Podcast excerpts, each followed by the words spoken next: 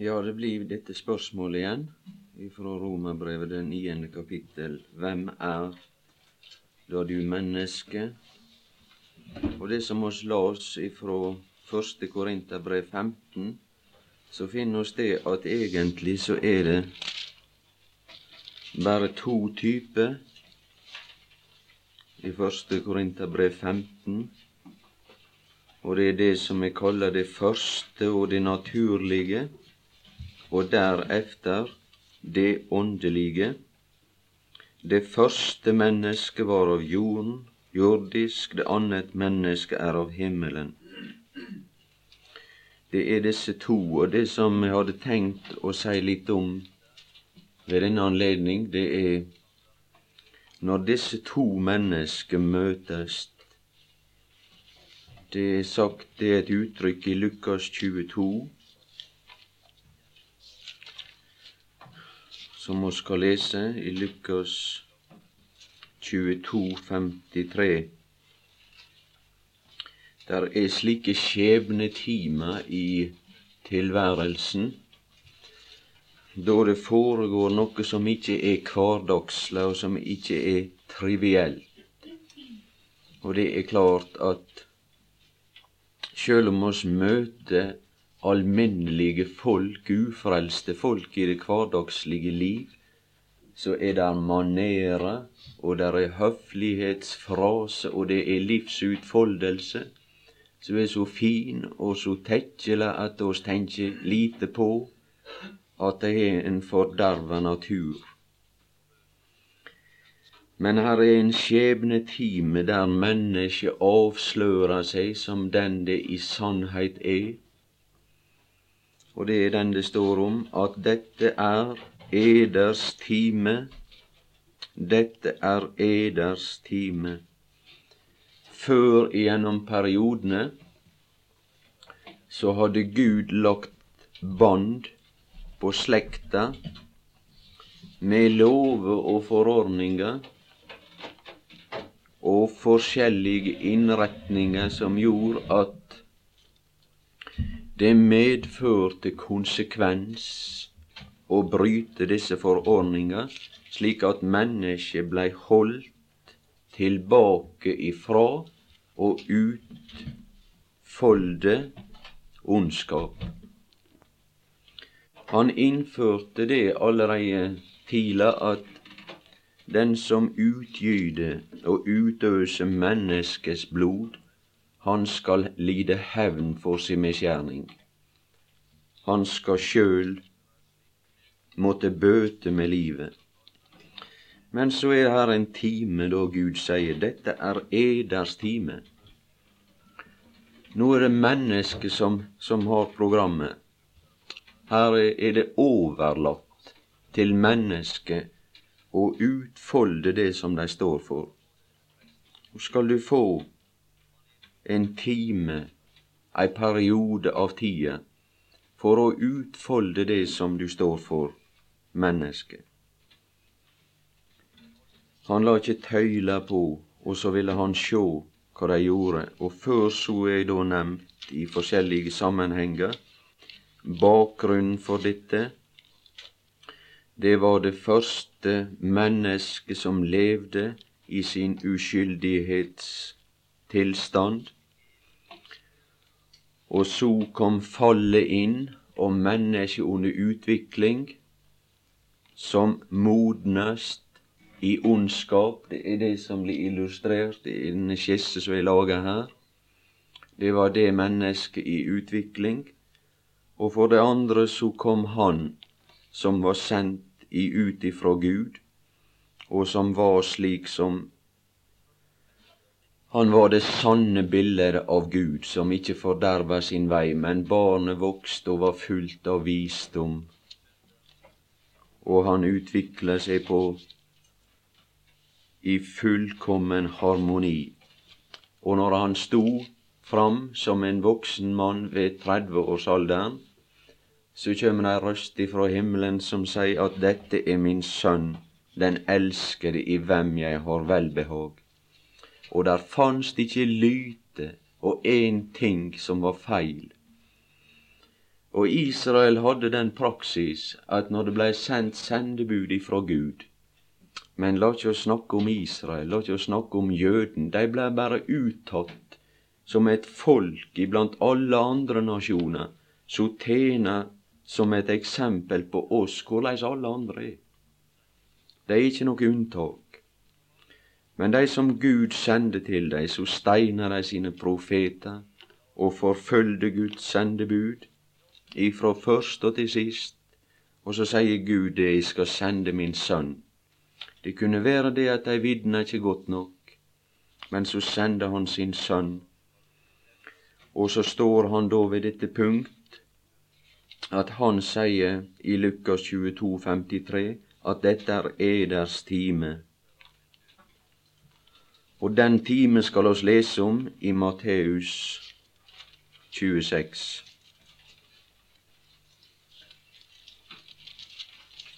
og 45.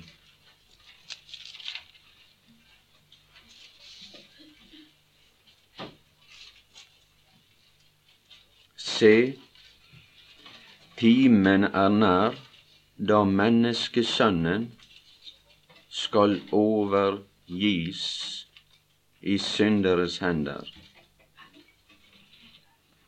De hadde nok allerede på et tidligere tidspunkt ville grepe inn overfor denne i Matteus 28, 45. Men Gud hindra dei ifrå det, at det ikke, det ikke er deres time. Men denne time, den er inntrådt nå, på dette punkt. Og det stemmer også med det at i dag så er oss langfredag. Og det er i grunn litt det å skulle tenke på en slik dag.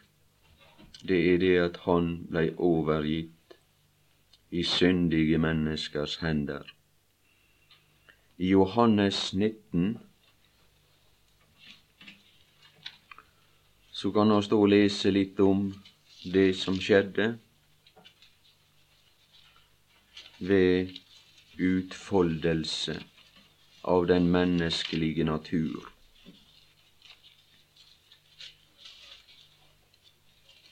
Johannes 19. Der var ei øvrighet i denne verden.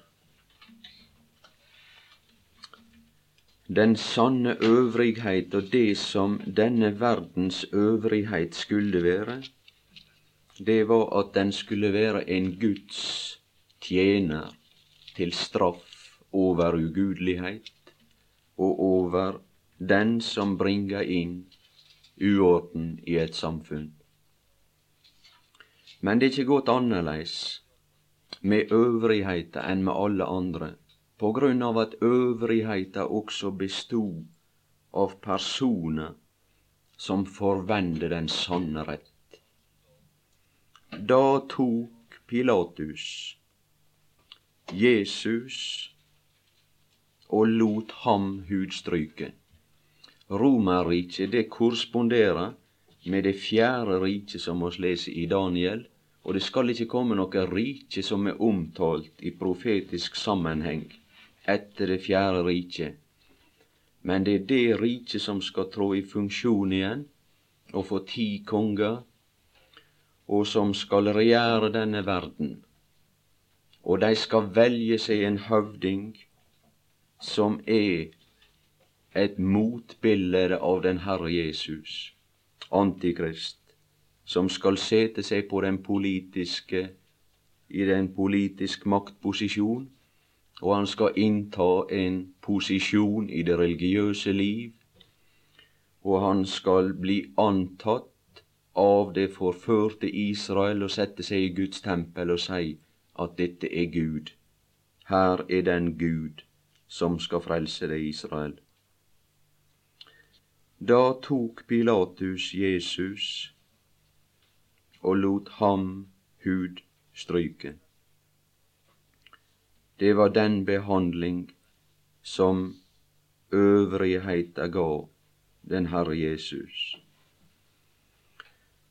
og stridsmennene flettet en krone av torner og satte den på hans hode, og de kastet en purpurkappe om ham og gikk frem for han og sa, Vær hilset du, jødenes konge, og de slo ham i ansiktet. Det er denne tilstand som blir åpenbart ved den behandling som han fikk når han blei spotta og forakta. Og det var den hyllest som han fikk. Det var at han blei gitt ei krone av torner som blei satt på hans hode. Det var det som denne verden hadde frambringa, og det som synda hadde brakt. Torner og tistler skal den bære deg, og det sender deg tilbake til Skaperen og sier det at dette er det som du fortjener. Det er synd, ei frukt av synd og forbannelse, som kom tilbake på hans hode. Og han protesterer ikke, men han finner seg i den behandling som han får Ei nøyere forklaring på dette skal vi lese om ifra, ifra Romerbrevet, men ta med bare et par inntrykk til av denne tildragelse i Markus, det femtende kapittel.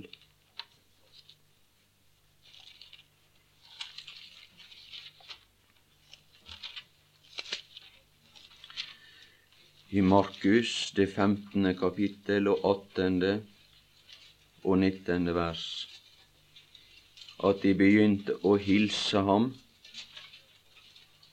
Vær hilset du, jødenes konge. Og de slo ham i hodet med et rør og spyttet på ham og falt på kne og hyllet ham. De slo ham i hodet med et rør og, og spyttet på ham. Større forakt det går ikke det an å vise overfor en person. Og jeg må si det at enda så er ikke jeg opplevd iallfall det som ligner på dette. Men det er vel kanskje de som opplever det samme i verden. Han som er hodet for all skapning, og han som er hodet og som all lov gikk ut ifrå, så er det det gjensvar som kjem. Det er at dei slo imot dette hodet. Han som skapte mennesket som det skulle være. Og Faderen, han var taus i denne situasjonen. I Hebreabrevet 10,5, der står det at et legeme laget du for meg.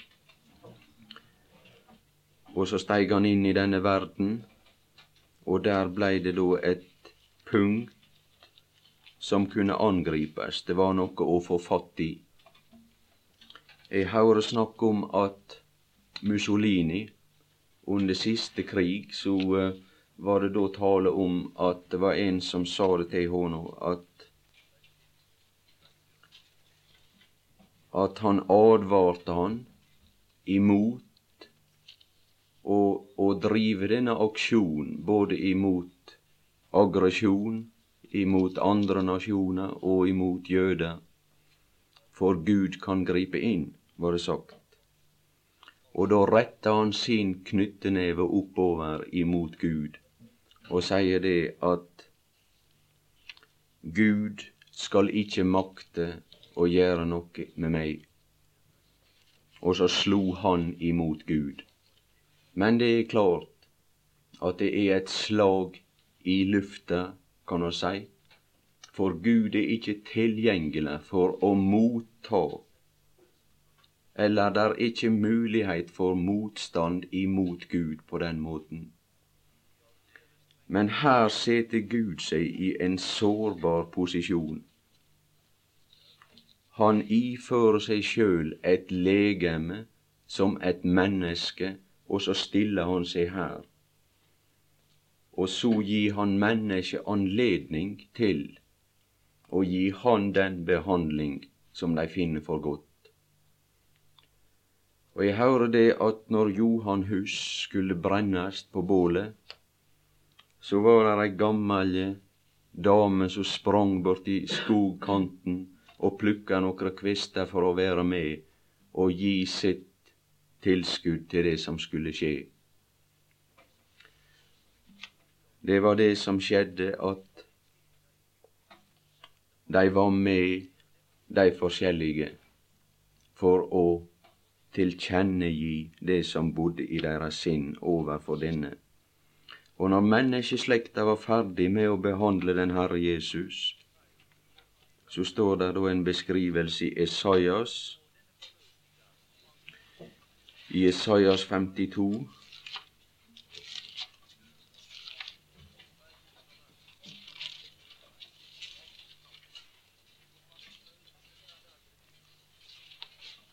at like som mange ble forferdet over ham, så ille var han tilrett, så ille tilrett var han, at han ikke så ut som et menneske, og hans skikkelse var ikke som andre menneskebarn.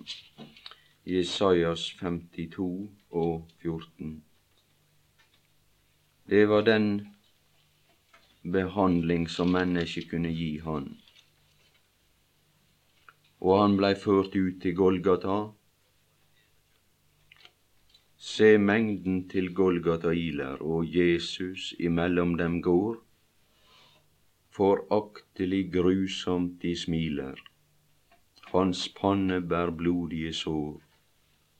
Uskyldig korsfestet han bliver han treder den tornfulle vei. Dog kjærlig han alle tilgiver, og tenk, det var allting for meg. Det var allting for meg.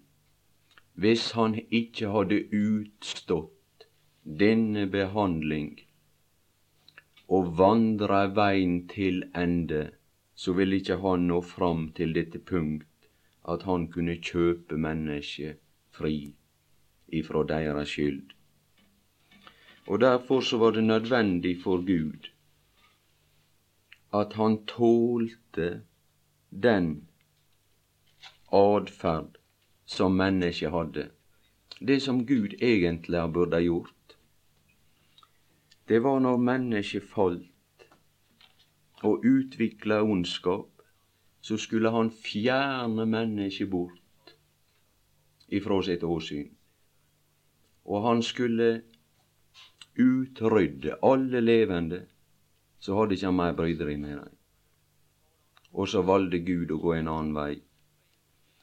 Det var at han tålte motstand. Han tålte, og han bar over.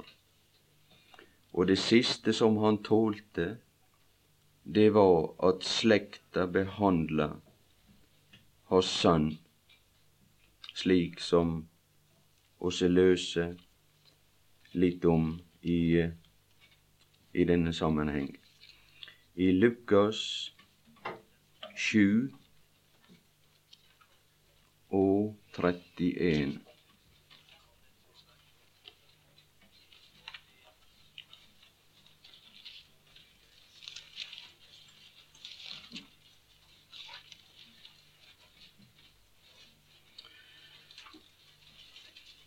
i Lukas 7 og, og 31. Der er det da et spørsmål. Hvem skal jeg da ligne denne slekts mennesker med, og hvem er de like? Ja, der er gjort et forsøk på å drage ei sammenligning. De ligner små barn som sitter på torvet og roper til hverandre og sier:" Vi blåste på fløyteforræder, og vi ville ikke danse. Vi sang sorgesanger, og dere ville ikke gråte. Og så er det tale om at døperen Johannes er kommet. Så fant de noe som var galt med han, så sier de det om døperen Johannes. Når Bibelen og Gud gir den endelige svar på hva døperen Johannes var, så sier de at han var den største som var født iblant kvinner. Der var ikke noen som var bedre enn han. Men det de sier, han er besatt. Han er fullstendig besatt av feilaktige tanker og av ideer. Altså, den som er møst sin forstand, han er den det er rett med og den som har forstand, han blir det sagt om at han er besatt. Og så fant de noe som var galt med han.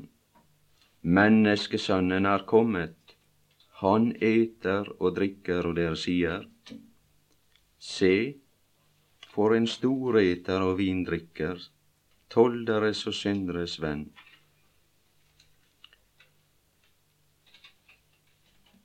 de ligner små barn. Der er ei formaning i, som er gitt, og det er det at for den som hører Herren til, så må de være barn i ondskap, og i forstand derimot fullvoksne. Men denne slekt, de måtte lignast med små barn de var barn i forstand på det som var godt, og så hadde tvert imot den andre dimensjon utvikla seg og nådd fullendelse i ondskap, slik at den var utvikla, og den kom til utslag i og med at Jesus blei slått i hjel av i fellesskap av de som representerte toppen på det som hadde med religion å gjøre. Det var Israel og ypperstepresten, de som hadde mottatt åpenbarelse ifra Gud over det, og de skulle være sannhetens vokter i denne verden.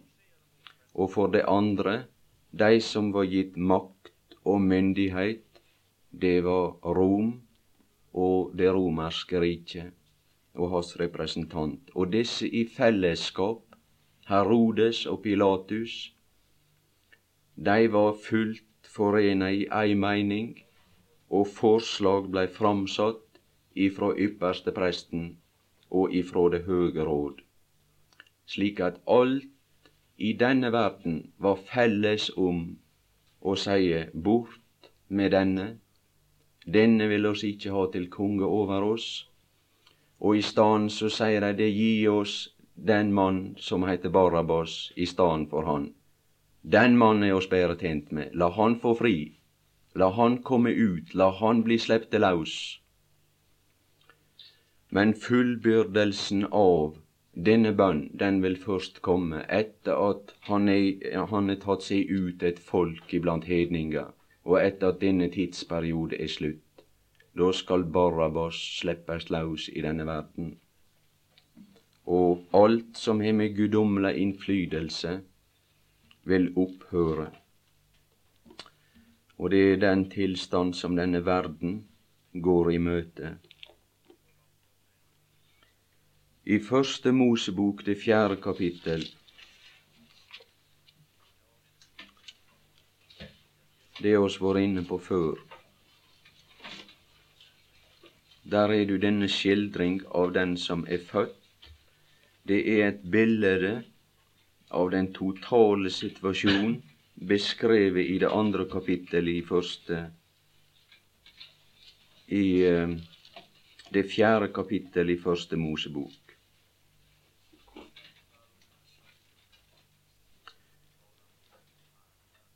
Det er fra det første og til og med det åttende vers og det er den som er født av ei kvinne.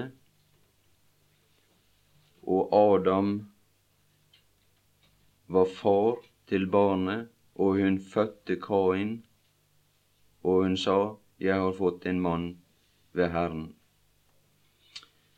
Det er i og for seg ikke synd i forbindelse med at han blir født, men han utvikler sin natur imot Gud, og han blir grunnlegger av en religion. Og i forbindelse med den religionsordning og den gudstjeneste som Gud ga, som var rett, så kom der inn andre innflytelser, og det blei utvikla en gal natur, slik at når han som hadde begynt denne gjerning i Israel, kom til sitt hus og til sin vingård, så sier de det, la oss føre denne ut, og la oss slå arvingen i hjel. Og det var det som skjedde når Kain utøvde sin religion, så kom der en som også utøvde ei gudstjeneste så blei der konfrontasjon imot disse to, og Kain ble meget vred. Han stirret ned for seg. Hvorfor stirrer du ned for deg? Er det ikke så at dersom du har godt i sinne, kan du løfte ditt ansikt, men har du ikke godt i sinne, da ligger synden på lur ved døren, og dens attrå står til deg og det åttende vers. Kain forløs Babel sin bror og slo ham i hjel. Det var det som var fullbyrdelsen av ondskap i tanke og utvikling av natur og motstand imot Gud. I, i Første Mosebok og det tredje kapittel og det femtende vers, der er begynnelsen på på det som er frelseshistoria. Det er Han som skulle fødes og stige inn i etter. Jeg vil sette fiendskap mellom deg og kvinnen, og mellom din ett og hennes ett, og den skal knuse ditt hode. Men du skal knuse dens hæl. Og det er vel det som er avskygga i forbindelse med det som la oss ifra evangeliet. I Matteus 21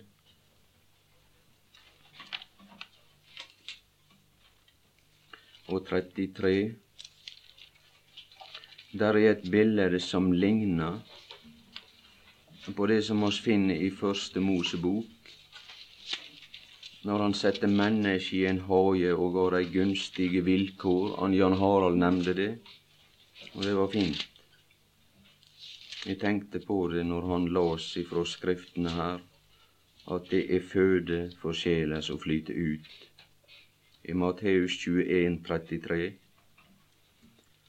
kan ikke lese alt som står der, men det står tale om en vingård. Der er noe som minner om denne hage som oss finner i Første Mosebok.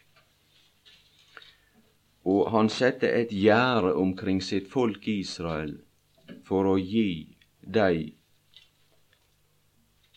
en god basis for å take imot og halde oppe og være et vitne og representere Gud i denne verden.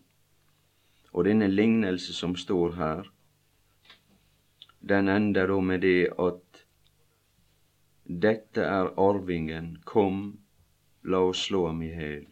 Og de tok ham og kastet ham ut av inngården og slo ham i hjel. Det var det som skjedde når de førte han ut til Golgata. Og motsetninga av dette bildet det er det som er i Første Mosebok. Alt snur akkurat opp ned. Det skal vi finne ut. Det som Gud gjorde, det var det som står i Første Mosebok, det, det tredje kapittel og det 24. vers.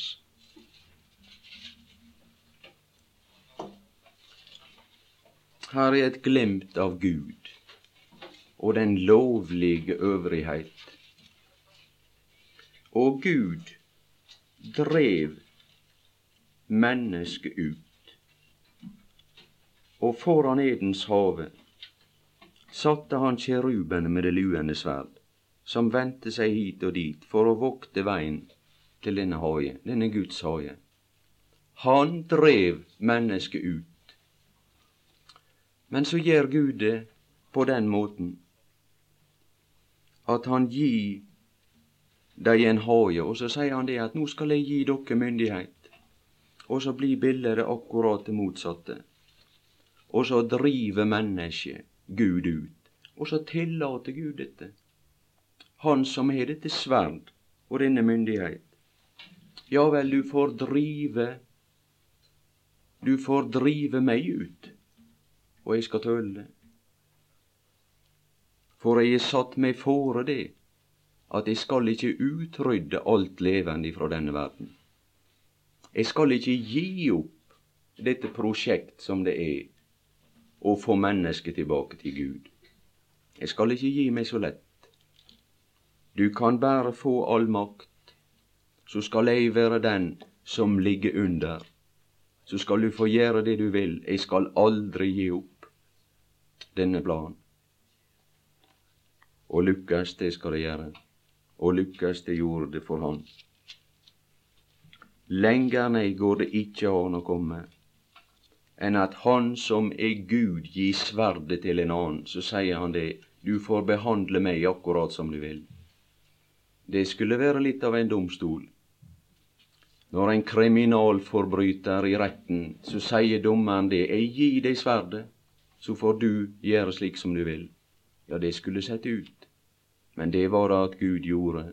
Og så sier han, du som er forbryter, får behandle øvrigheta slik som ditt hjerte tilsier. Så får du gå din vei til ende. I Romerbrevet, det som er vårt utgangspunkt, det niende kapittel,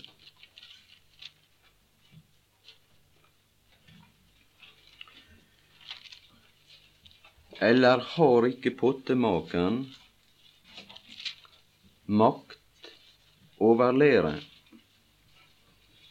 så han av samme deig kan arbeide det ene kar til lære og det andre til vanære.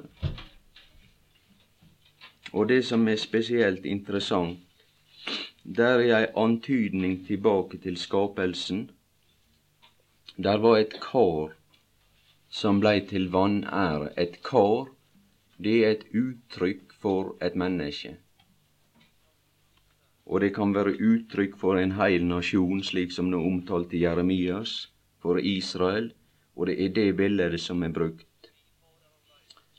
Så er det da sagt videre der, men om nu Gud, skjønt han ville vise sin vrede og kunngjøre sin makt, dog i stort langmod tålte vredens kår han tålte vredens kar, sjøl om det var danna til undergang på grunn av den innflytelse som hadde kommet inn.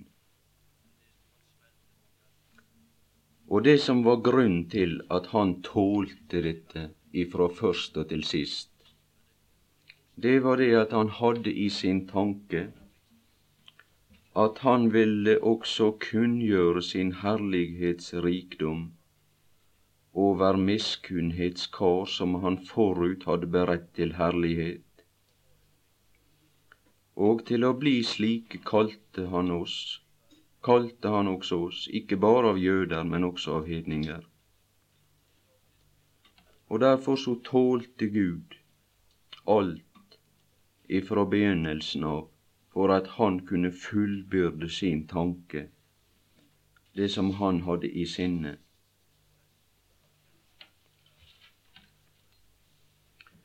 Og det er det som gjør at et menneske, når det lever i ufrelst tilstand, så står det det i en salme at en levetid varer Guds nåde, så bærer Gud over med en synder gjennom et langt liv, og ei periode, og det som han er i sin, sin tanke og i hans hensikt, det er til å bli slike. Det til å bli et miskunnhetskar som han forut hadde beredt til herlighet. Det var det som var i hans hensikt. Og til å bli slike kalte han også oss, ikke bare av jøder, men også av hedninger. Dette er et kapittel som i særdeleshet er opptatt med den jødiske nasjon. Og i første Korinterbrev 1543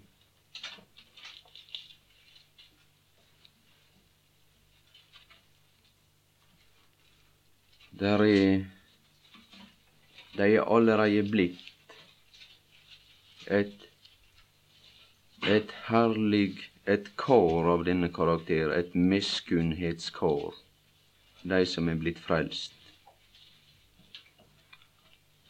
Og han har gjort dem i stand slik at de er, de er herlighet. Men det er ei herlighet som er ikke er synlig, slik som oss lever nå.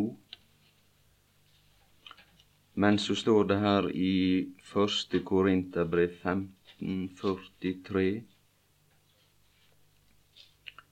at det såes i vanære, og det oppstår i herlighet.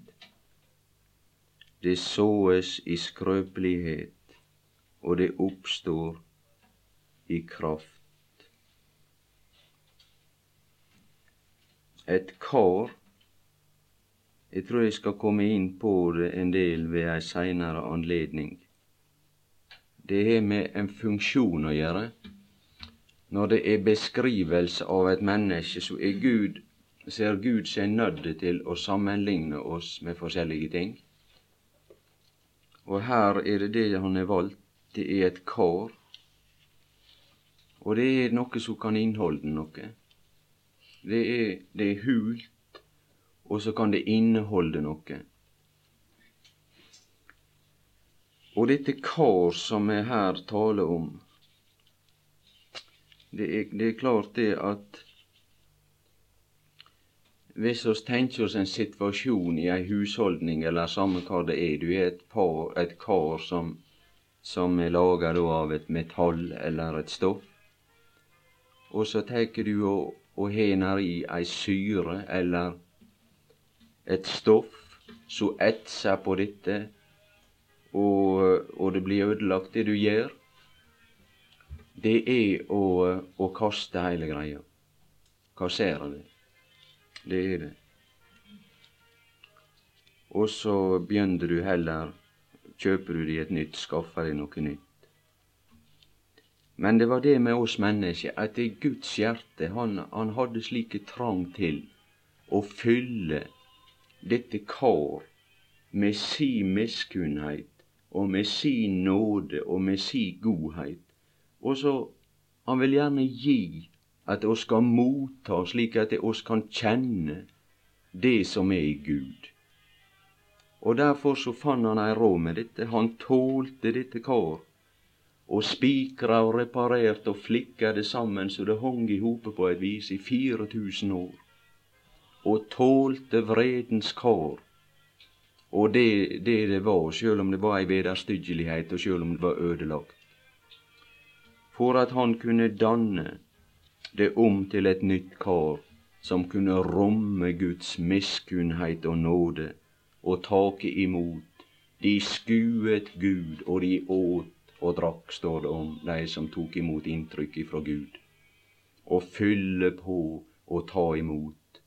Det var det Gud han er bare interessert i å gi.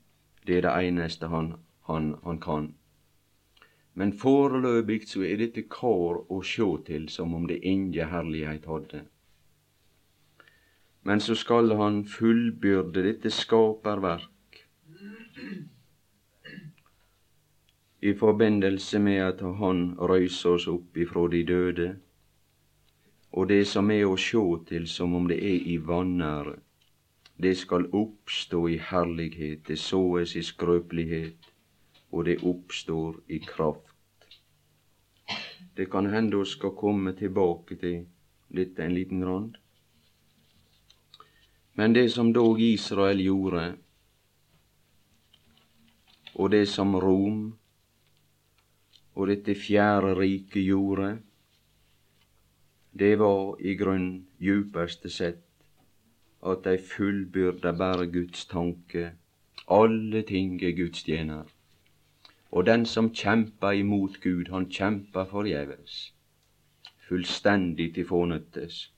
Og hvis der var en motstand imot Gud som kunne forpurre hans planer, så hadde mennesket gjort det. Der er enkelte så, så forulykker, eller som dette på sjøen, kan du si, og får krampe å bli utilregnelige.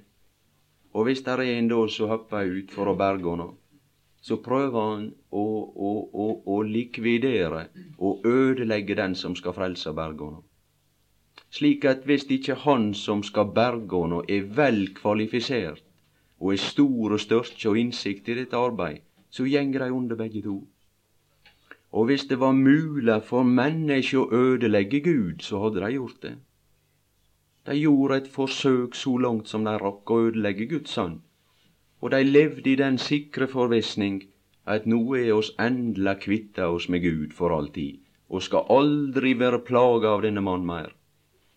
Han er for alltid brakt ut av eksistens. Så de gjorde forsøk så langt som de kunne, men det er ikke råd som er imot Gud. Og når Antikrist raser, og når motstand imot Gud utfolder seg på det mest voldsomme, så står det bare et uttrykk en plass i Skriftene at den allmektige Gud, han ler. Hva er det for slags dårskap, motstand mot Gud? Ingenting vil lykkes. Og det som var i hans hjerte fra begynnelsen av, det var at han ville kunngjøre sin nåde og si herlighet over mennesket. Og den tanke, den sto han fast ved, sjøl om det var slik som det var sagt i evangeliet og den behandling som han fikk. Og så tålte Gud denne motstand. Og det som de gjorde, det var det som står i en salme, at de skulle binde høytidsofferet til alterets horn. I, i Salme 118, 27.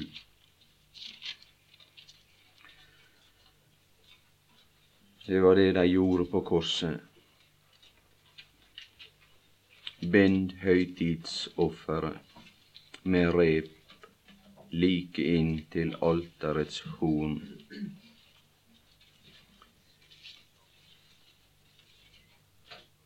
Og så døde den Herre Jesus, og der er to sider ved hans død nettopp denne side som er størst betydning, den blir ikke det tid til å komme inn på.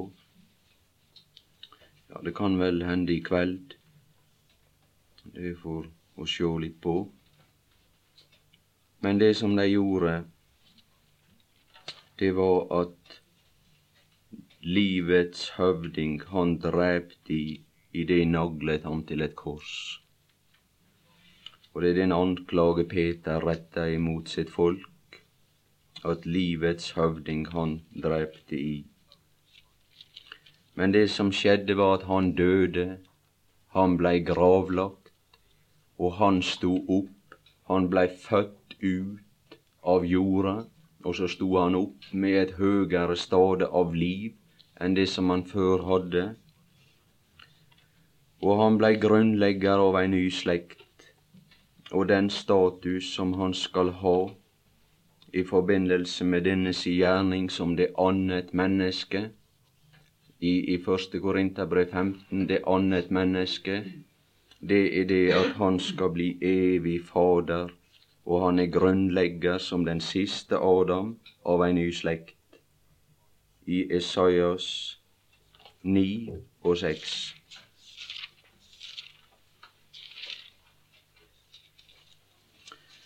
For et barn er oss født, det var slik det begynte. En sønn er oss gitt, og herredømmet er på hans skulder. Og han kalles under, rådgiver, veldig Gud, og det som var nevnt i karakter av å være den siste Adam, så er han evig Fader og grunnlegger av ei ny slekt. Og det neste som han skal inn på, det er det at han er fredsførste. Det er når han skal gjenopprette tilstanden på denne jord, og han skal avsette Romerriket. Vær sikker på det. Han skal avsette den politiske leder, og han skal sjøl trede inn som konge i denne verden. Men han er evig Fader det er da noe å være barn av Gud, den evige Fader. Og det er det som er godt, og det er det som er verdt å gi Han tilbedelse og takk for at Han ville gå denne tunge vei, og at Han ville gå til Golgata. Denne smertenes vei og denne smertenes mann, Han som var djupt fornedra, og Han som er høgt opphøya, som vårt hode og som er vår Herre og Frelser. Amen. Ja, oss vil si det en fattige takk, Herre, for Golgata, og for din tornfulle vei, og du tålte all behandling som mennesket kunne gi deg. Du tålte all fornedrelse, og du tålmodig led, kjempet og stred. Og så var allting for meg, Herre. Og du må ha takk. Oss vil gi deg ære, oss er ikke i stand til å gi deg ære.